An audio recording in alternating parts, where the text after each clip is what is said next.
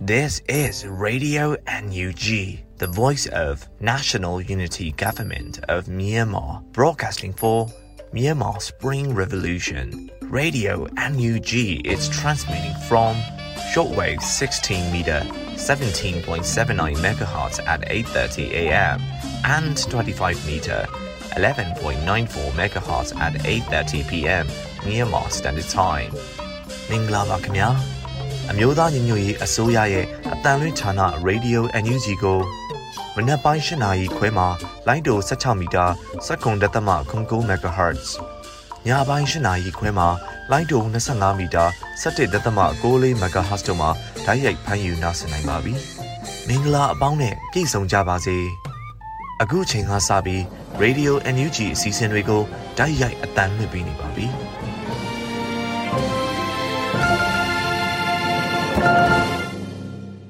မြန်မာနိုင်ငံလူနိုင်ငံသားအပေါင်းတဘာဝဘေးစစ်အာဏာရှင်မေးတို့ကနေကင်းဝေးပြီးကိုစိနှစ်ပါးအေဂျင့်လုံခြုံကြပါစေလို့ Radio NUG ဖွဲ့သူဖွဲ့သားများကနှုတ်ခွန်းဆက်တာအပ်ပါတယ်ရှင်။ခုချိန်ကစပြီးကာကွယ်ဝင်ကြီးဌာနရဲ့စီရေးတရင်အချင်းချုပ်ကိုຫນွေဦးမိုးကဖတ်ကြားတင်ဆက်ပေးမှာဖြစ်ပါတယ်ရှင်။မင်္ဂလာပါခင်ဗျာအမျိုးသားညီညွတ်ရေးအစိုးရ ကာကွယ်ရေးဝန်ကြီးဌာနမှထုတ်ဝေသောနိုင်စဉ်စီရေးတရင်အချင်းချုပ်များကို တင်ပြသွားမှာဖြစ်ပါတယ်ခင်ဗျာ။ဤသတင်းများကို Radio NUG သတင်းတာဝန်ခံတွေနဲ့ခံလုံသောမိဖက်သတင်းရင်းမြစ်တွေမှဖော်ပြလာသောအချက်အလက်များပေါ်အခြေခံပြုစုထားခြင်းဖြစ်ပါတယ်ခင်ဗျာ။စကိုင်းတိုင်းတွင်ဇန်နဝါရီ26ရက်နေ့မနက်9:45မိနစ်ခန့်ကကျွန်းလှမြို့နယ်အင်တိုင်းကျေးရွာမှကျွန်းလှဘက်သို့ထွက်လာသောစစ်ကောင်စီစစ်ကြောင်းကိုတပန်းစိတ် ရေစိတ်အနီးတွင် ပြည်သူ့ကာကွယ်ရေးတပ်မတော်ကအမြောက်ဖြစ်ပစ်ခတ်တိုက်ခတ်ခဲ့ရာစစ်ကောင်စီတပ်သားများထိခိုက်မှုရှိခဲ့သည်ဇန်နဝါရီ26ရက်နေ့မနက်10:58မိနစ်ခန့်ကထိချိုက်မြို့နယ်ဇီးဖြူချင်းကျေးရွာအနီးတွင် ကုန်းတုံရွာမှထွက်လာသောစစ်ကောင်စီတပ်သား15ဦးကိုပြည်သူ့ကာကွယ်ရေးတပ်ပေါင်းစုကမိုင်းဆွဲတိုက်ခိုက်ခဲ့ရာစစ်ကောင်စီတပ်သား9ဦးထပ်မံထိခိုက်ဒဏ်ရာရရှိခဲ့သည်တနင်္သာရီတိုင်းတွင် ဇန်နဝါရီ26ရက်နေ့မနက်10:30မိနစ်ခန့်ကပူလောမြို့နယ်တွင်စီပေါစာကားများအတွင်လိုက်ပါလာသောစစ်ကောင်စီကား22စီးပါရင်တန်းကိုဒေသကာကွယ်ရေးအဖွဲ့များကပြစ်ခတ်ခဲ့ရာစစ်ကောင်စီတပ်သား2ဦးသေဆုံးခဲ့ပြီးစစ်ကောင်စီတပ်သားများရန်တမ်းပြစ်ခတ်မှုကြောင့်အရက်သားတဦးခြေထောက်ကြည်ထိမှန်ခဲ့ကြောင်းသိရသည်စစ်ကောင်စီကျူးလွန်သောရာဇဝတ်မှုများကိုဆက်လက်တင်ပြသွားပါမယ်ခင်ဗျာချင်းပြည်နယ်တွင် ဇန်နဝါရီ25ရက်နေ့ညနေ6နာရီခန့်ကဖလန်းမြို့ပေါ်မှပညာရေးနှင့်ကျန်းမာရေး CDM ဝန်ထမ်း9ဦးကိုစစ်ကောင်စီတပ်က၎င်းတို့နေအိမ်များတွင် လာရောက်ဖမ်းဆီးခေါ်ဆောင်သွားပြီးဆရာမတဦးအားမတွေ့သဖြင့်ဆရာမ၏မိခင်ကိုဖမ်းဆီးခေါ်ဆောင်သွားကြောင်းသိရသည်။စကိုင်းတိုင်းတွင်ဇန်နဝါရီ26ရက်နေ့ကအရာတော်မြို့နယ်ဘော်ကုန်းကျေးရွာတွင်စိုက်ပျိုးရေးလုပ်ကင်နေသောဒေသခံ3ဦးနှင့်စိုက်ခင်းသို့စပိန်ဖြစ်သွားသော ဒေသခံတအူးစုစုပေါင်း၄ဦးကိုစစ်ကောင်စီတပ်သားများကပြစ်ခတ်တပ်ဖြတ်ခဲ့သည်ဇန်နဝါရီ25ရက်နေ့ကအရာတော်မြို့နယ်အောင်ချမ်းသာကျေးရွာရပြစ်ဖျားဝန်းထဲတွင်တက်ဆွဲထားသောစစ်ကောင်စီအင်အား40ခန့်ကကျေးရွာသူကျေးရွာသားများကိုဖမ်းဆီးနှိပ်စက်စစ်ဆေးခဲ့ပြီးအသက်23နှစ်လူငယ်တအူးတပ်ဖြတ်ခံခဲ့ရသည်ဇန်နဝါရီ26ရက်နေ့ကမုံရွာမြို့နယ်ကံကြီးကုန်းကျေးရွာ ဖုန်ကြီးကျောင်းတွင်တက်ဆွဲထားသောစစ်ကောင်စီတပ်သားများကရွှေကျင်ကျေးရွာနေဒေသခံ၄ဦးကို မတရားဖမ်းဆီးခဲ့သည်မကွေးတိုင်းတွင်ဇန်နဝါရီ26ရက်နေ့မနက်ပိုင်းကမြိုင်မြို့နယ်အတွင်းရှိဒေသခံများပိုင်ရေနံမှော်များကိုစစ်ကောင်စီတပ်ဖွဲ့အင်အား150ကထပ်မံမိရှို့ဖျက်ဆီးခဲ့သည်ဟုတ်ကဲ့ပါနောက်ဆုံးအနေနဲ့အထွေထွေသတင်းများကို တင်ပြသွားပါမယ်ခင်ဗျာ February တရက်နေ့တွင်တနိုင်ငံလုံးအတိုင်းအတာဖြင့် တိတ်ဆိတ်ငြိမ်သက်ခြင်းတပိတ်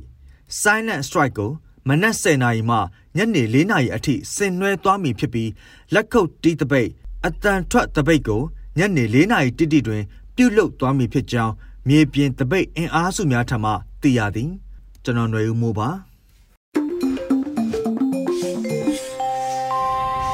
ခုဆက်လက်ပြီးနောက်ဆုံးရပြည်တွင်းသတင်းများကိုຫນွေဦးမောင်ကတင်ဆက်ပေးမှာပဲဖြစ်ပါတယ်ရှင် မင်္ဂလာပါခင်ဗျာယခုချိန်ကစပြီး Radio NUG ပြည်တွင်းသတင်းများကိုဖတ်ကြားတင်ပြပေးပါတော့မယ်အခုတင်ပြပေးမယ့်သတင်းတွေကတော့ Radio NUG သတင်းတာဝန်ခံတွေနဲ့ခိုင်လုံသောမိဖက်သတင်းရင်းမြစ်တွေမှာအခြေခံထားတာဖြစ်ပါတယ်။အမျိုးသားညီညွတ်ရေးအတိုင်းအမြံကောင်စီ NUCC ကပြည်သူညီလာခံကိုပြုလုပ်သွားမယ့်သတင်းကိုတင်ဆက်ပေးပါမယ်။ အမျိုးသားညီညွတ်ရေးအတိုင်းအမြံကောင်စီ NUCC ရဲ့ပထမဆုံးအကြိမ်ပြုလုပ်မဲ့ပြည်သူညီလာခံကိုဇန်နဝါရီ29ရက်နနက်9:00နာရီမှာစတင်ပြုလုပ်သွားမှာဖြစ်ပြီး3ရက်ကြာမြင့်မယ်လို့သိရပါတယ်။ပြည်သူညီလာခံကို6လတစ်ကြိမ်ပြုလုပ်မယ်လို့နိုဝင်ဘာ16ကပြုလုပ်တဲ့အမျိုးသားညီညွတ်ရေးအတိုင်းအမြံကောင်စီ NUCC သတင်းစာရှင်းလင်းပွဲမှာပြောကြားခဲ့ပြီးတဲ့နောက်ပထမဆုံးအကြိမ်အဖြစ်ပြုလုပ်တော့မှာလည်းဖြစ်ပါတယ်။အခုပြုလုပ်မဲ့ပြည်သူညီလာခံမှာတော့ Federal Democracy ဗရင်းရဲ့အပိုင်းတွေကိုအတည်ပြုပြီးပြည်သူတွေကိုချပြသွားမှာဖြစ်တယ်လို့သတင်းစာရှင်းလင်းပွဲမှာပြောကြားထားတာကိုတွေ့ရပါတယ်။ NUCC ကလက်ရှိအချိန်မှာမူ၃ရက်နဲ့သွားနေတာဖြစ်ပြီးတော့လက်ရှိကာလကိုဂျားကာလအသွင်ကူးပြောင်းရေးကာလနဲ့ Federal Democracy ပြည်ထောင်စုကာလဆိုပြီးသတ်မှတ်ထားတာပါ မတ်လ10ရက်နေ့မှာစတင်ခဲ့တဲ့အမျိုးသားညီညွတ်ရေးအတိုင်းပင်ကောင်စီကတော့တဦးတယောက်ခေါင်းဆောင်မှုမျိုးနဲ့မဟုတ်ပဲစုပေါင်းခေါင်းဆောင်မှုစုပေါင်းတာဝန်ယူမှုစနစ်တွေကိုအခြေပြုသွားမဲ့အဖွဲ့လို့ဆိုထားပါတယ်။ဂျားကာလာချင်းအမျိုးသားအတိုင်းအခံကောင်စီရဲ့ကိုယ်စားလှယ်ဖြစ်တဲ့လျံမုံစာခေါင်းကတော့ NUCC ဟာမြန်မာနိုင်ငံတမိုင်းမှာတခါမှမပေါ်ဘူးသေးတဲ့အစုအဖွဲ့ကိုစားပြုအတိုင်းအခံကောင်စီတစ်ခုဖြစ်တယ်လို့မှတ်ချက်ပြုပြောကြားထားတာတွေ့ရပါတယ်။ အမျိုးသားညီညွတ်ရေးအစိုးရတယံဇာတနဲ့တဘာဝတွန်ဝန်းကျင်ထိန်းသိမ်းရေးဝန်ကြီးဌာနသည်ဇန်နဝါရီ26ရက်နေ့ရက်စွဲဖြင့်ထုတ်ပြန်ကြေညာချက်တစ်စောင်ကိုထုတ်ပြန်လိုက်သည်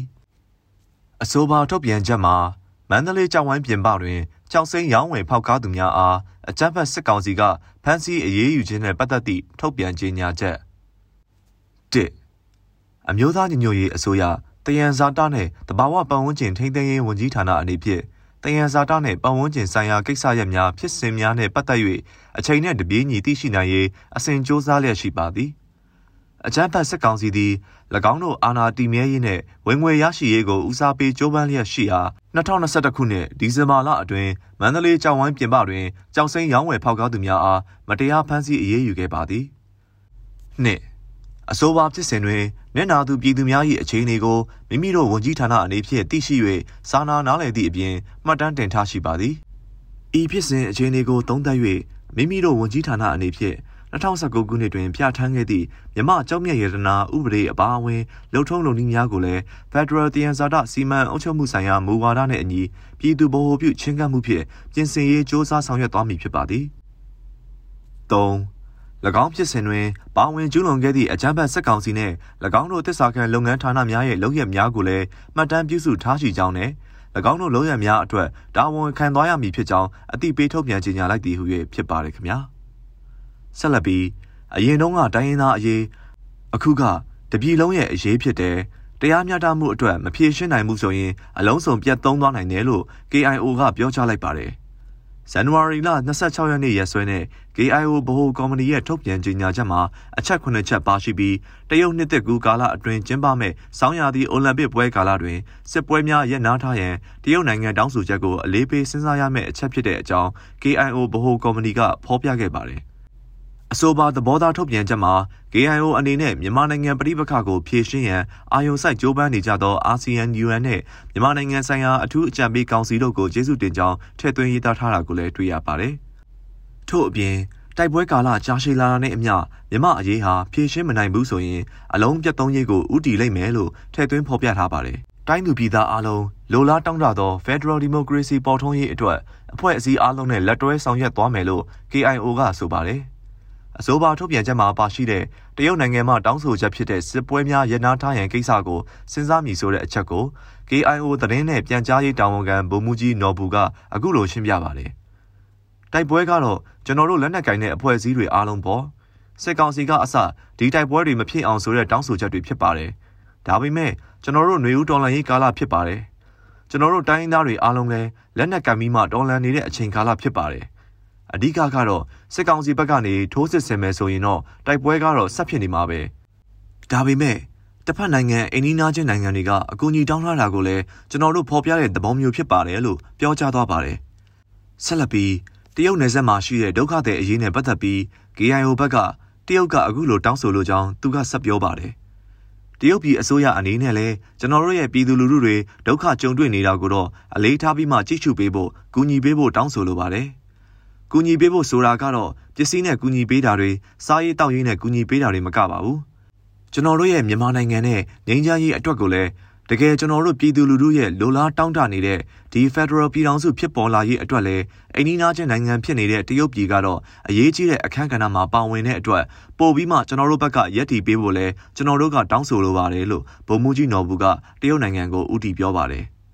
ဇန်နဝါရီလ26ရက်နေ့ KIO ရဲ့သတင်းထုတ်ပြန်ချက်မှာပါရှိတဲ့အချက်တစ်ချက်မှာမြမအရေးသည်အလုံးစုံပြတ်သုံးရေးကိုဥတီနေကြောင်းပါရှိပြီးထိုအချက်နဲ့ပတ်သက်လို့သတင်းနဲ့ပြန်ကြားရေးတာဝန်ခံဗိုလ်မှူးကြီးနော်ဘူးကအခုလိုရှင်းလင်းပြောပြပါဗျ။ကျွန်တော်တို့တိုင်းရင်းသားတွေအားလုံးလည်းပြည်ထောင်စုဆိုတဲ့အရာသားတွေကိုဘာမှအကျိုးတွေကိုမခံစားရတဲ့အတွက်ကျွန်တော်တို့လက်နက်ကင်ပြီးမှတော်လန်နေတဲ့အချိန်ကာလကတော့နှစ်ပေါင်း60 80ရှိနေပါတယ်။ အဲ့ဒီအချိန်ကာလမှာမြန်မာနိုင်ငံနဲ့အိန္ဒိနာချင်းနိုင်ငံတွေကလည်းတိတ်ပြီးမှအလေးထားပြီးကြည်တာကိုတိတ်မတွေ့ရပါဘူး။ဒါပေမဲ့ဒီနှစ်ကတော့ဒီမြန်မာတိုင်းနိုင်ငံလုံးပေါ့နော်။ပြည်သူလူထုတွေအားလုံးကတော့ဒီຫນွေဦးတော်လန်ရေးပြည်တွင်းစစ်လို့ပြောရမှာပေါ့။အဲ့ဒီအချိန်ကာလဖြစ်ပါတယ်။အရင်ကတော့ကျွန်တော်တို့တိုင်းရင်းသားတွေအရေးအခုကတော့တနိုင်ငံလုံးအတိုင်းအတာနဲ့ပြည်သူလူထုအရေးဖြစ်သွားပါတယ်။အဲ့ဒါတွေကိုအချိန်မီမဖြေရှင်းနိုင်လို့ရှိရင်တော့ဒီတိုက်ပွဲတွေမိတွေကတော့ချုပ်ငိမ့်သွားမှာမဟုတ်ပါဘူး။ပြည်သူလူထုဟာလည်းပဲ နောက်ဆုတ်သွားမှာမဟုတ်ဘူးလို့ကျွန်တော်တို့သုံးသပ်ထားပါတယ်ကျွန်တော်တို့တိုင်းသားလက်နက်ကိုင်အဖွဲ့တွေလည်းနောက်ဆုတ်သွားမှာမဟုတ်ပါဘူးဆိုတော့ဒီစစ်ကောင်စီဘက်ကနဲ့တပ်မတော်ဘက်ကနေအဓိကပြည်သူတွေရဲ့ဆန္ဒတွေကိုကျွန်တော်တို့တိုင်းရင်းသားရဲ့လိုလားတောင်းတနေတဲ့ကျွန်တော်တို့တရားမျှတမှုဒီဒန်းတူရေးတွေကိုတော့တမိုးထားပြီးမှသူ့ဘက်ကလည်းအပြောင်းလဲရှိပြီးမှဖြည့်ရှင်းလိုက်လို့ရှိရင်တော့အကောင်းဆုံးဘက်ကိုကျွန်တော်တို့ရွေ့သွားမှာဖြစ်ပါတယ်မဟုတ်ဘူးဆိုရင်တော့ကျွန်တော်တို့မြန်မာနိုင်ငံကဒီထက်ပိုပြီးမှစိုးသွားနိုင်တယ် တိုက်ပွဲတွေလည်းပိုပြီးမှပြင်းထန်လာနိုင်တယ်ဆိုတဲ့အချက်တွေကိုကျွန်တော်တို့ထုတ်ထားတာဖြစ်ပါတယ်လို့ KIO ပြန်ကြားရေးဘက်မှအကြံတဝန်းရှင်းလင်းသွားတာတွေ့ရပါတယ်ခင်ဗျာဆက်လက်ပြီးအမျိုးသမီး PDF တွေမြိုင်မြို့နယ်မှာစစ်တပ်နန်းဆင်းနိုင်ခဲ့ကြပါပြီ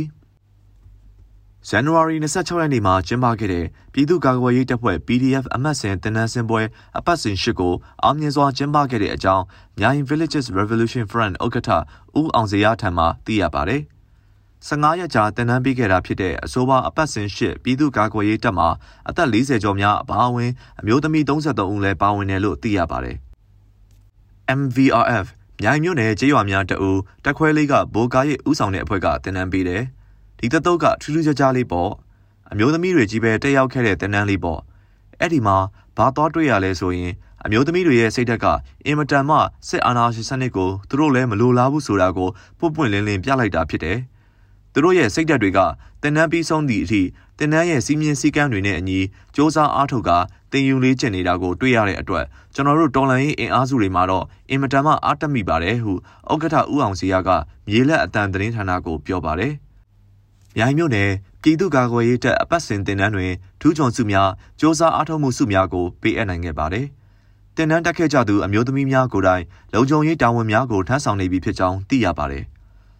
အခုအချိန်မှာဆိုလို့ရှိရင်အမျိုးသမီးတွေကလည်းအမျိုးသားတွေနဲ့တန်းတူရင်ပေါင်တန်းပြီးတော့ပြည်သူ့ကာကွယ်ရေးထဲမှာထဲထဲဝင်ဝင်ဆောင်ရွက်နေနိုင်ပြီဆိုတာကိုဖော်ပြလိုက်တာဖြစ်တယ်။အဲ့ဒီတော့အခုဆိုလို့ရှိရင်အမျိုးသမီးတွေကကိုယ်တိုင်ကင်းဆောင်ပေးတာတို့ဂိတ်ဆောင်ပေးတာတို့လုံခြုံရေးအရာတာဝန်ယူပေးတာတို့အများကြီးအသီးသီးတာဝန်တွေထမ်းဆောင်လာကြတာဖြစ်တဲ့အတွက်ကြောင့်အင်မတန်လေးစားစရာကောင်းတယ်လို့ပြောချင်ပါတယ်ခင်ဗျာဟုဥက္ကဋ္ဌဦးအောင်စရာကပြောပါတယ် အာနာသိန်းအကြမ်းဖက်စစ်ကောင်စီဘက်ကစစ်ကြောင်းထိုးလှုပ်ရှားမှုများရှိနေတဲ့အတွက်မြိုင်မြို့နယ်အပတ်စဉ်ရှိတနန်းစင်ပွဲကိုမနက်9:00နာရီမှစခဲ့ပြီးတိုရင်းလိုရှင်အခမ်းအနားဖြင့်ပြီးဆုံးစေခဲ့ကြပါတယ်။မကွေးတိုင်းမြိုင်မြို့နယ်အတွင်းရှိစစ်အာဏာရှင်စန့်ကျင်သောပြည်သူများသည်စစ်အုပ်စုမတရားတပ်ဖြတ်မှုများကိုမခံနိုင်တော့တဲ့အစုံရရလက်နက်ဆွဲကင်ပြီးစစ်ကောင်စီကိုရင်ဆိုင်တိုက်ခိုက်လျက်ရှိပါတယ်။ ဇန်နဝါရီလ24ရက်နေ့တွင်ပခောက်ကူ101လက်အောက်ခံတန်ရင်22မှစစ်ကောင်စီတပ်ဖွဲ့ဝင်များကရေနံမော်များကိုမီးရှို့ဖျက်ဆီးသွားတဲ့အပြင်အလုတ်သမားအချို့ကိုပါတပ်ဖြတ်ပြီးမီးရှို့အလောင်းဖြောက်မှုများကျူးလွန်ခဲ့ကြပါတယ်ခင်ဗျာကျွန်တော်ကတော့ຫນွေဦးမောင်ပါရေဒီယို NUG မှဆက်လက်အသံလွှင့်နေပါတယ်ပြည်သူခုခံတော်လှန်စစ်တရင်များကိုကျော်ຫນွေဦးကတင်ဆက်ပေးမှာဖြစ်ပါတယ်ရှင် ပထမဆုံးအနေနဲ့မူဒရော့ခရိုင်မှာစစ်ကောင်စီတပ်တိုက်ခိုက်ခံရပြီးစစ်သား12ဦးသေဆုံးတဲ့တဲ့ရင်ကိုတင်ဆက်ပါမယ်။ကရင်မျိုးသားစီယုံ KNU တပ်မဟာ9နယ်မြေမူဒရော့ဖောက်ပွန်ခရိုင်တွင်ဇန်နဝါရီလ24ရက်မှာအကြမ်းဖက်စစ်ကောင်စီတပ်နဲ့ကရင်မျိုးသားလူမျိုးရေးတပ်မတော် KNL ကြားတိုက်ပွဲများ၌စစ်ကောင်စီဘက်မှ12ဦးသေဆုံးကအ ਨੇ ဆုံး2ဦးဒဏ်ရာရကြောင်းမူဒရော့သတင်းစင်ကထုတ်ပြန်ပါတယ်။ဇန်နဝါရီလ24ရက်နေ့နက်အစောပိုင်းမှာ KNL တပ်ဖွဲ့ဝင်များ၏မိုင်းဖြင့်တိုက်ခိုက်ခြင်းခံရပြီး စစ်ကောင်စီတပ်သား၄ဦးသေဆုံးတအူးဒဏ်ရာရကြောင်းနနက်6:42မိနစ်မှာဖပွန်မြို့ရွန်းစလင်းအနောက်ဘက်ကမ်းရှိစစ်ကောင်စီတပ်ဖွဲ့ကို KNL ကဝင်တိုက်ရာ2ဦးသေဆုံးကြောင်းသိရှိရပါတယ်။မူဒရော့တာကောလူဒေတာမှာစစ်ကောင်စီတပ်ဖွဲ့ကို KNL တပ်ဖွဲ့များကဇန်နဝါရီလ24ရက်တွင်3ကြိမ်ဝင်ရောက်တိုက်ခိုက်ခဲ့ပြီးစစ်ကောင်စီဘက်မှ9ဦးသေဆုံးပြီးရိတ်ခါတင်လားတကောင်သေဆုံးကြောင်းမူဒရောသတင်းစင်ကထုတ်ပြန်ပါတယ်။ KNU တပ်မဟာ9နယ်မြေတွင်းသို့ အကြမ်းဖက်စစ်ကောင်စီကတပ်အင်အားများတိုးချဲ့နေပြီး KNL နှင့်နေ့စဉ်တိုက်ပွဲများဖြစ်ပွားနေပါတယ်။2021ခုနှစ်တွင်ချင်းတပ်ဖွဲ့များနဲ့စစ်ကောင်စီကြားတိုက်ပွဲ184ကြိမ်ဖြစ်ပွားခဲ့ပြီးစစ်ကောင်စီတပ်သား1029ဦးသေဆုံးတဲ့တဲ့ရင်ကိုဆက်လက်တင်ဆက်ပါမယ်။ချင်းပြည်နယ်မှာ2021ခုနှစ်ဧပြီလမှဒီဇင်ဘာလအထိရှစ်လကျော်ကာလအတွင်းအကြမ်းဖက်စစ်ကောင်စီတပ်ဖွဲ့နဲ့ချင်းဒေသကာကွယ်ရေးတပ်ဖွဲ့များကြားတိုက်ပွဲပေါင်း184ကြိမ်ဖြစ်ပွားခဲ့ပြီး စစ်သား1029ဦးသေဆုံးကြောင်းချင်းတပ်ဖွဲ့ဝင်59ဦးကြာဆုံးခဲ့ကြောင်းချင်းဒေသပူးပေါင်းကာကွယ်ရေးကော်မတီ Chinland Joint Defense Committee ကသတင်းထုတ်ပြန်ပါတယ်။အကြမ်းဖက်ဆီအာဏာယူမင်းအောင်လှိုင်အုပ်စုက2021ခုနှစ်ဖေဖော်ဝါရီလ1ရက်နေ့တွင်မတရားအာဏာသိမ်းပြီးနောက်ချင်းပြည်သူများကဆီအာဏာရှင်ကိုမုံတီလက်မခံကြောင်းဒန်းတူ Federal Democracy ရရှိရေးဆန္ဒပြခဲ့ကြကြောင်းလက်နက်ကင်တိုက်ပွဲများမှာ AP လ24ရက်တွင်စတင်ဖြစ်ပွားကြောင်း CJDC ကထုတ်ပြန်ပါတယ်။အကြမ်းဖက်စစ်ကောင်စီကအပြစ်မဲ့ပြည်သူများကိုလူမဆန်စွာဖမ်းဆီးခြင်းနှိပ်စက်ညှဉ်းပန်းခြင်းတပ်ဖြတ်ခြင်းများကိုလှုံ့ဆော်ခဲ့ပြီးထိုကာလအတွင်းပြည်သူ28ဦးသေဆုံးခဲ့ကြောင်းသိရှိရပါတယ်။ CJDC ဟာချင်းမျိုးသားတပ်ဦးအပါအဝင်ချင်းဒေသအသီးသီးရှိဒေသကာကွယ်ရေးတပ်ဖွဲ့ပေါင်း20ခန့်မှစက်တင်ဘာလ30ရက်နေ့တွင်ပူးပေါင်းဖွဲ့စည်းခဲ့သောကော်မတီဖြစ်ပါတယ်။အာနာသိန်းအကြမ်းဖက်စေအုပ်စုရဲ့ပြည်သူလူထုအပေါ်အကြမ်းဖက်ဖိနှိပ်ဖန်ဆီး တိုက်ခိုက်တပ်ဖြတ်နေမှုများကိုပြည်သူလူထုတရက်လုံးကအသက်ရှင်သန်ရေးအတွက်မိမိကိုယ်ကိုမိမိခုခံကာကွယ်ပိုင်ခွင့်အရာပြည်သူခုခံစစ် People's Defensive War ကိုဆင်နွှဲလျက်ရှိပါတယ်။တရင်ချက်လက်များအရ25ရက်တလ2022ရက်နေ့မှာစစ်ကောင်စီတပ်ဖွဲ့ဝင်63ဦးသေဆုံးပြီးထိခိုက်ဒဏ်ရာရရှိသူ28ဦးအထိခုခံတိုက်ခိုက်နိုင်ခဲ့ပါတယ်။မြေပြင်မှာတော့ယခုတွေ့ရတဲ့သတင်းအချက်အလက်များထက်ပို၍ဖြစ်ပွားနိုင်ပါတယ်ခင်ဗျာ။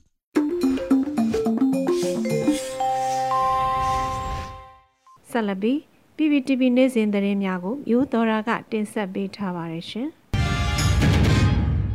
အခုပထမဆုံးတင်ဆက်ပေးမယ့်သတင်းကတော့အာဆီယံနိုင်ငံအချို့ရဲ့ကောင်းဆောင်တွေကိုကျေးဇူးတင်ကြောင်းအမျိုးသားညီညွတ်ရေးအစိုးရအစည်းအဝေးမှာယာယီသမရပြောကြားလိုက်တဲ့ဆိုတဲ့သတင်းပါ။အမျိုးသားညီညွတ်ရေးအစိုးရအစည်းအဝေး3မြင်းဆောင်2022ကိုဇန်နဝါရီ25ရက်မနက်ပိုင်းမှာပြုလုပ်ခဲ့ပြီးယာယီသမရဒူဝါလာရှီလာကအစည်းအဝေးမှာအာဆီယံနိုင်ငံအချို့ရဲ့ခေါင်းဆောင်တွေကိုကျေးဇူးတင်ရှိတယ်လို့ပြောကြားလိုက်ပါတယ်။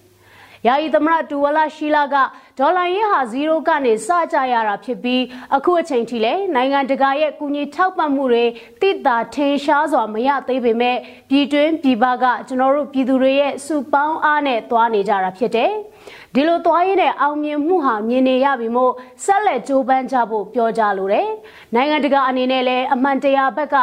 ရက်တီပေးဖို့နှိုးဆော်လူပြီးတော့အမှန်တရားဘက်ကရက်တီပေးခဲ့တဲ့အာဆီယံနိုင်ငံအချို့ရဲ့ကောင်းဆောင်တွေကိုလည်းကျေးဇူးတင်တယ်လို့ပြောကြားခဲ့တာပါဒါအပြင်ဖေဖော်ဝါရီ၁ရက်နေ့ဆိုရင်စိုးရွမ်းလွန်းတဲ့စစ်အာဏာသိမ်းမှုတစ်နှစ်ပြည့်မြောက်ပြီဖြစ်ပါတယ်။ ရက်ဆက်ကြမ်းကြုတ်လွန်းတဲ့စစ်အာဏာရှင်အကြမ်းဖက်သမားတွေကိုပြည်သူတွေဟာဆွဲရှိစွာနဲ့လုံလဝရိယမလျှော့ပဲတွန်းလှန်လာခဲ့ကြတာလေတစ်နှစ်ပြည့်မြောက်ပြီဖြစ်တဲ့ဆိုတာနဲ့ပြည်သူတွေအတွက်လည်းဒီတော်လှန်ရေးဟာအတော်ပင်ဆင်းရဲလှပေမဲ့အရှင်ရော့မသွားပဲဆက်လက်တွန်းလှန်နေတဲ့ပြည်သူတွေနဲ့အတူအမြန်ဆုံးအောင်မြင်မှုတွေရရှိအောင်ဘုံမိုအားကောင်းအောင်အားဖြည့်ကြရင်ရှေ့ဆက်သွားကြမှာဖြစ်တယ်လို့ယာယီသမရကပြောကြားခဲ့ပါတယ် ပြည်ထောင်စုဝန်ကြီးချုပ်မန်ဝင်းခိုင်တန်းကတော့ပြည်သူတွေအတွက်ဝမ်းမြောက်ဂုဏ်ယူစရာကိစ္စကတော့အမေရိကန်နိုင်ငံအခြေစိုက် Chevron နဲ့ပြင်သစ်နိုင်ငံအခြေစိုက် Total တို့စစ်ကောင်စီနဲ့စီးပွားဆက်မလုပ်ဖို့ဆုံးဖြတ်ချက်ချခဲ့တဲ့ကိစ္စဖြစ်တယ်။ပြည်တွင်းပြည်ပကမြန်မာနိုင်ငံသားများမြန်မာဒီမိုကရေစီအရေးကိုအားတက်သရောအကူအညီပေးနေကြတဲ့နိုင်ငံတကာအဖွဲ့အစည်းတွေနဲ့ NUG ရဲ့ဝန်ကြီးဌာနအသီးသီးအထူးသဖြင့်စီးပွားရေးဆိုင်ရာဝန်ကြီးဌာနများရဲ့အားထုတ်ကြိုးပမ်းမှုကြောင့်ယခုလိုစစ်ကောင်စီရဲ့အကြီးမားဆုံးဝင်ငွေရလန်းတစ်ခုကိုပိတ်ဆို့နိုင်တာဖြစ်တာကြောင့်တဲ့ညီလက်ညီဆောင်ရွက်ခဲ့ကြတာတွေအတွက်အထူးပင်ဂုံပြုလိုတယ်လို့အစည်းအဝေးမှာပြောကြားခဲ့ပါတယ်။ ဖက်ဒရယ်ပြည်ထောင်စုရေးရာဝန်ကြီးဌာနစီမံကိန်းဗဏ္ဍာရေးနဲ့ယင်းနှမြုံနာမှုဝန်ကြီးဌာနဆက်သွယ်ရေးတရင်အချက်အလက်နဲ့ဤပညာဝန်ကြီးဌာနတို့ရဲ့ပြည်ထောင်စုဝန်ကြီးတွေကသက်ဆိုင်ရာကဏ္ဍအလိုက်အသီးသီးတင်ပြကြပြီးအစည်းအဝေးကိုနနက်7:50မိနစ်တွင်ရုပ်သိမ်းလိုက်တယ်လို့သိရပါဗျ။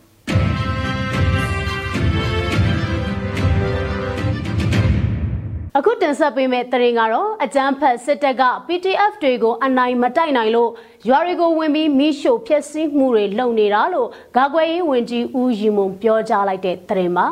အကြမ်းဖက်စစ်တပ်ကမြေပြင်တိုက်ပွဲတွေမှာ PTF တွေကိုအနိုင်မတိုက်နိုင်တဲ့အတွက်ရွာထဲတွေကိုဝင်ပြီးမိရှို့ဖျက်ဆီးတာတွေလုပ်နေတယ်လို့အမျိုးသားညီညွတ်ရေးအစိုးရကာကွယ်ရေးဝန်ကြီးဌာနပြည်ထောင်စုဝန်ကြီးဦးရီမွန်ပြောကြားလိုက်ပါတယ်။ တိုက်တဲ့အခါမှာလဲ BTF ကိုအနိုင်မယူနိုင်တဲ့အခါကျတော့ BTF မနိုင်ရင်ရွာတွေမိရှို့အပြစ်မဲ့တဲ့အယက်သားပြည်သူတွေကိုဖမ်းမယ်တတ်မယ်နှိပ်စက်မယ်ကျေးရွာတွေကိုမီးလောင်တိုက်သွင်းမယ်ဒါတွေပဲဒီဘက်ပိုင်းမှာတောက်လျှောက်လုပ်နေတာတွေ့တယ်လို့ပြည်ထောင်စုဝန်ကြီးဦးရီမွန်ကအေယာဝတီသတင်းဌာနနဲ့ဆက်သွယ်မေးမြန်းကမှထည့်သွင်းပြောကြားခဲ့တာပါ။ ဒီဇင်ဘာလထဲမှာမြန်မာနိုင်ငံအထက်ပိုင်းခရိုင်၃ခုလောက်မှာဖြစ်ခဲ့တဲ့စစ်ရေးအခြေအနေတွေကိုကြည့်မယ်ဆိုရင်ဒလအတွင်းမှာပဲအကြမ်းဖက်စစ်သား291ယောက်သေပြီးတော့ပြည်သူ့ကာကွယ်ရေးတပ် PTF တွေဘက်ကတော့17ယောက်ထိခိုက်ကြဆုံးခဲ့ရပါတယ်။ဒီအခြေအနေကအကြမ်းဖက်စစ်တပ်အနေနဲ့လက်နက်အသာရတိုင်းစစ်ပွဲမှာအသာမရဘူးဆိုတဲ့အချက်ကိုပြသနေတယ်လို့ဆိုထားပါတယ်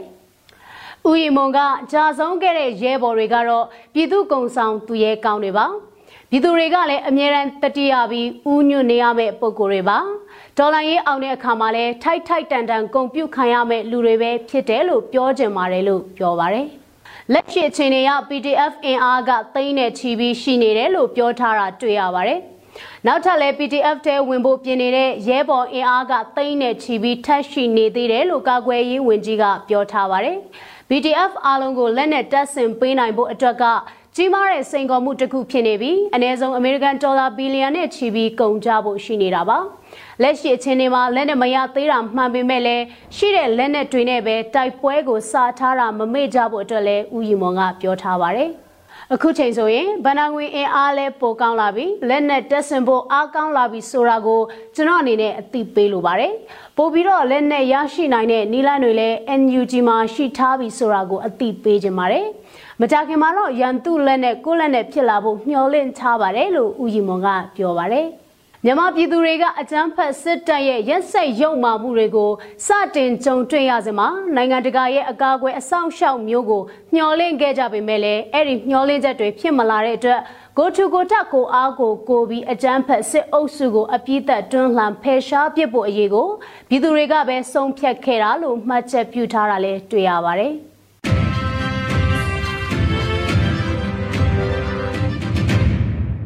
အမျိုးသားညွှန်ရေးအစိုးရကဒီဇင်ဘာလအတွင်းဒနိုင်ငံလုံးလူသားချင်းစာနာထောက်ထားမှုအထောက်အပံ့ငွေကျပ်212.62တန်းထောက်ပံ့ခဲ့တဲ့ဆိုတဲ့သတင်းကိုတင်ဆက်ပေးပါမယ်။ စစ်တပ်ကမတရားအာဏာသိမ်းမှုအပြင်မတရားဖမ်းဆီးမှုမိရှုဖျက်ဆီးမှုနဲ့အကြမ်းဖက်တိုက်ခိုက်မှုတို့ကြောင့်နေ့စဉ်နဲ့မျှစစ်ပေးရှောင်အရေးအတွက်နဲ့ထိခိုက်ဒဏ်ရာရရှိမှုအရေးအတွက်တွေကတိုးပွားနေပါတယ်။ဒါအပြင်နေ့စဉ်နစ်နာနေတဲ့ပြည်သူတွေကိုထောက်ပံ့ကူညီရေးလုပ်ငန်းလှုပ်ဆောင်နိုင်ခြင်းမရှိစေဖို့အတွက်ကားလိုင်းတွေမှာစေပစ္စည်းစားတောက်စရာအဝတ်အထည်စတာတွေကိုတင်ဆောင်ခွင့်ပိတ်ပင်တာအပြင်ငွေကြေးစီစဉ်မှုအတွက်ရန်တပ်ဖို့အတွက်ဘဏ်အကောင့်တွေနဲ့ငွေလွှဲဝန်ဆောင်မှုတို့ကိုနေတိုင်းဆိုသလိုပိတ်ပင်တားဆီးတာတွေလှုပ်ဆောင်နေတယ်လို့အမျိုးသားညီညွတ်ရေးအစိုးရလူသားချင်းစာနာထောက်ထားရေးနဲ့ဘေးအန္တရာယ်ဆိုင်ရာစီမံခန့်ခွဲရေးဝန်ကြီးဌာနကဆိုပါရယ်ဒီလိုအဖက်ဖက်ကပိတ်ပင်တာတွေရှိနေပေမဲ့နစ်နာမှုရှိတဲ့ပြည်သူတွေစီကိုအမျိုးသားညီညွတ်ရေးအစိုးရရဲ့လူသားချင်းစာနာထောက်ထားရေးနဲ့ဘေးအန္တရာယ်ဆိုင်ရာစီမံခန့်ခွဲရေးဝန်ကြီးဌာနက 2021ခုနှစ်ဒီဇင်ဘာလထဲမှာလူသားချင်းစာနာထောက်ထားမှုအကူအညီဖြစ်ငွေကျပ်212.26တန်းကိုပြည်သူတွေစီကိုလက်ဝယ်ရအောင်စ조사ပေးဖို့ခဲ့တယ်လို့ထုတ်ပြန်ပါတယ်။ဝင်ကြီးဌာနက2021ခုနှစ်ဒီဇင်ဘာလထဲမှာနေရစွန့်ခွာထွက်ပြေးတိမ်းရှောင်သူတွေနဲ့စစ်ပေးရှောင်တွေစီကို129.45တန်း ကြာဆုံးပုဂ္ဂိုလ်တွေနဲ့ထိခိုက်ဒဏ်ရာရရှိသူတွေစီကို18.10တန်းပို့ဆောင်ပေးခဲ့တယ်လို့သိရပါဗျ။ဒဒါအပြင်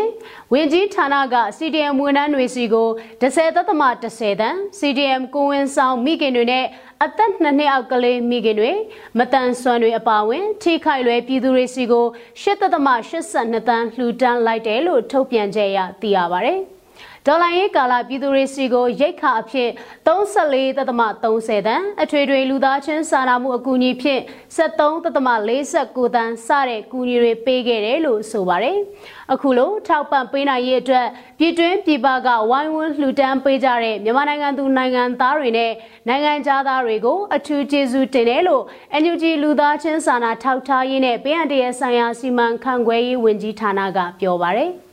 နိုင်ငံဖွံ့ဖြိုးရေးအတွက်နိုင်ငံသားတွေတက်ညီလက်ညီစ조사နေကြချိန်မှာလူတစုကောင်းစားရေးအတွက်နိုင်ငံကိုအာဏာသိမ်းလိုက်တာကြောင့်နိုင်ငံကစီးပွားရေးကအစအရာရာနှိမ်ပါနေပြီဖြစ်ပါတယ်။အာဏာရှင်ရန်တရားကိုအမြင့်ဖြတ်နိုင်မှနိုင်ငံတိုးတက်ဖွံ့ဖြိုးရေးလုပ်ငန်းတွေလှုပ်ဆောင်နိုင်မှာဖြစ်ပြီးအနာဂတ်လူငယ်တွေအတွက်တိုးတက်မှုတွေယူဆောင်နိုင်မှာဖြစ်လို့အာဏာရှင်တွန်းလှန်ရေးကိုဆက်လက်တိုက်ပွဲဝင်ကြပါစို့လို့လူသားချင်းစာနာထောက်ထားရေးနဲ့ပြည်အန်တရဲ့ဆိုင်ရာစီမံခန့်ခွဲရေးဝန်ကြီးဌာနက နှိုးဆော်ထားတာတွေ့ရပါတယ်။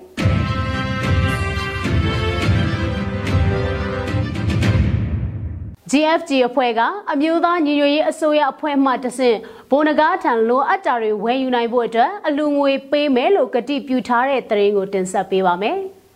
နိုင်ငံတကာရောက်မြန်မာပြည်သူတွေဖွဲ့စည်းထားတဲ့ Global Fundraisers Group GFG အဖွဲ့ကအမျိုးသားညွရေးအစိုးရအဖွဲ့ကတဆင့်ဘုံနဂါအဖွဲ့ကိုလိုအပ်တာတွေဝယ်ယူနိုင်ဖို့အတွက်အလှူငွေပေးမယ်လို့ကတိပြုလိုက်ပါတယ်။ အမျိုးသားညီညွတ်ရေးအစိုးရကာကွယ်ရေးဝန်ကြီးဌာနအတွင်းဝင်ဦးနိုင်ထူအောင်မြမတော်ဝင်နဂါတက်မတော်ကောင်းဆောင်ဘိုးနဂါနဲ့ Global Fundraisers Group GFG အဖွဲ့ကတာဝန်ရှိတဲ့သူတွေဇန်နဝါရီလပထမပတ်ထဲမှာ Zoom meeting နဲ့ဆွေးနွေးမှုတွေလုပ်ခဲ့ရမှာ GFG ကလက်နက်ကြီးတွေဝယ်ယူပေးမယ်လို့ကတိပြုခဲ့တာပါဆွေးနွေးပွဲမှာအတွင်းဝင်ဦးနိုင်ထူအောင်ကလက်ရှိဒေါ်လာရေးအခြေအနေကိုရှင်းပြပေးခဲ့ပြီးတက်ရောက်လာတဲ့သူတွေရဲ့မေးမြန်းမှုတွေကိုဖြေကြားပေးခဲ့ပါတယ်။အဲဒီနောက်မြမတော်ဝင်နဂါတမတော်ရဲ့ကောင်းဆောင်ဘိုးနဂါကလည်းပလဲနယ်မြေအခြေအနေတွေနဲ့ရင်ဆိုင်နေရတဲ့တိုက်ပွဲတွေအကြောင်းတွေလိုအပ်နေတဲ့လက်နက်ကြီးအကြောင်းတွေသေချာရှင်းပြခဲ့ပါတယ်။တီးတန့်ဝယ်ယူနိုင်ဖို့အတွက်အလူငွေတွေကောက်ခံပြီးဝယ်ယူပေးမယ်လို့လက်သုံးချောင်းထောင်ကကတိပြုခဲ့တာပါ။ Global Fundraisers Group GFG အဖွဲ့ကလက်ရှိအချိန်မှာမြမတော်ဝင်နဂါတမတော်တန်ကို842သိန်း9300ကျပ်တီတီကိုပေးအပ်လှူဒန်းထားနိုင်တယ်လို့လည်းသိရပါဗျ။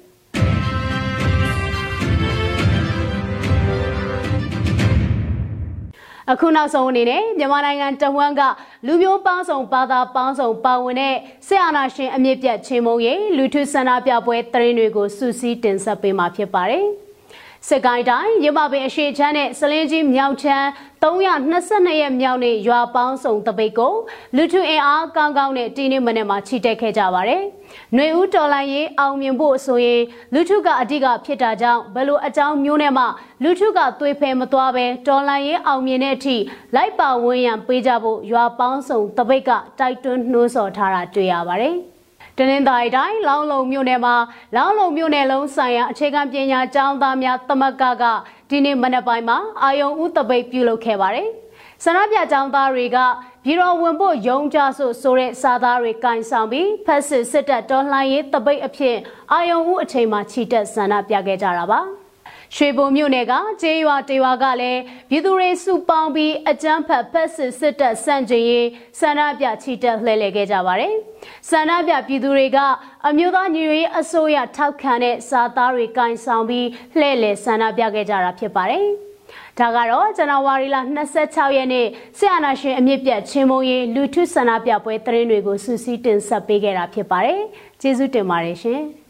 ဒီကနေ့ကတော့ဒီညနေပဲ Radio NUG ရဲ့အစည်းအဝေးတွေကိုခਿੱတရရနိုင်ပါမယ်။မြန်မာစံတော်ချိန်မနက်၈နာရီခွဲနဲ့ည၈နာရီခွဲအချိန်တွေမှာပြန်လည်ဆုံးဖြတ်ကြပါစို့။ Radio NUG ကိုမနက်ပိုင်း၈နာရီခွဲမှာလိုင်းဒို16မီတာစက္ကန့်တသမ9 MHz ညပိုင်း၈နာရီခွဲမှာလိုင်းဒို25မီတာ17သမ6 MHz တို့မှာဓာတ်ရိုက်ဖမ်းယူနိုင်နိုင်ပါပြီ။မြန်မာနိုင်ငံသူနိုင်ငံသားများကိုစိတ်နှပြချမ်းမာချမ်းသာလို့ ဘေးကင်းလုံခြုံကြပါစေလို့ Radio NUG အဖွဲ့သူအဖွဲ့သားများကဆုတောင်းလိုက်ရပါတယ်။အမျိုးသားညီညွတ်ရေးအစိုးရရဲ့စက်သွေးရေးတရင်အချက်အလက်နဲ့ဤပညာဝန်ကြီးဌာနကထုတ်လွှင့်နေတဲ့ Radio NUG ဖြစ်ပါတယ်။ San Francisco Bay Area အခြေစိုက်မြန်မာမိသားစုများနဲ့နိုင်ငံတကာကစေတနာရှင်များလှုပ်အားပေးများရဲ့ Radio NUG ဖြစ်ပါတယ်။အရေးတော်ပုံအောင်ရမည်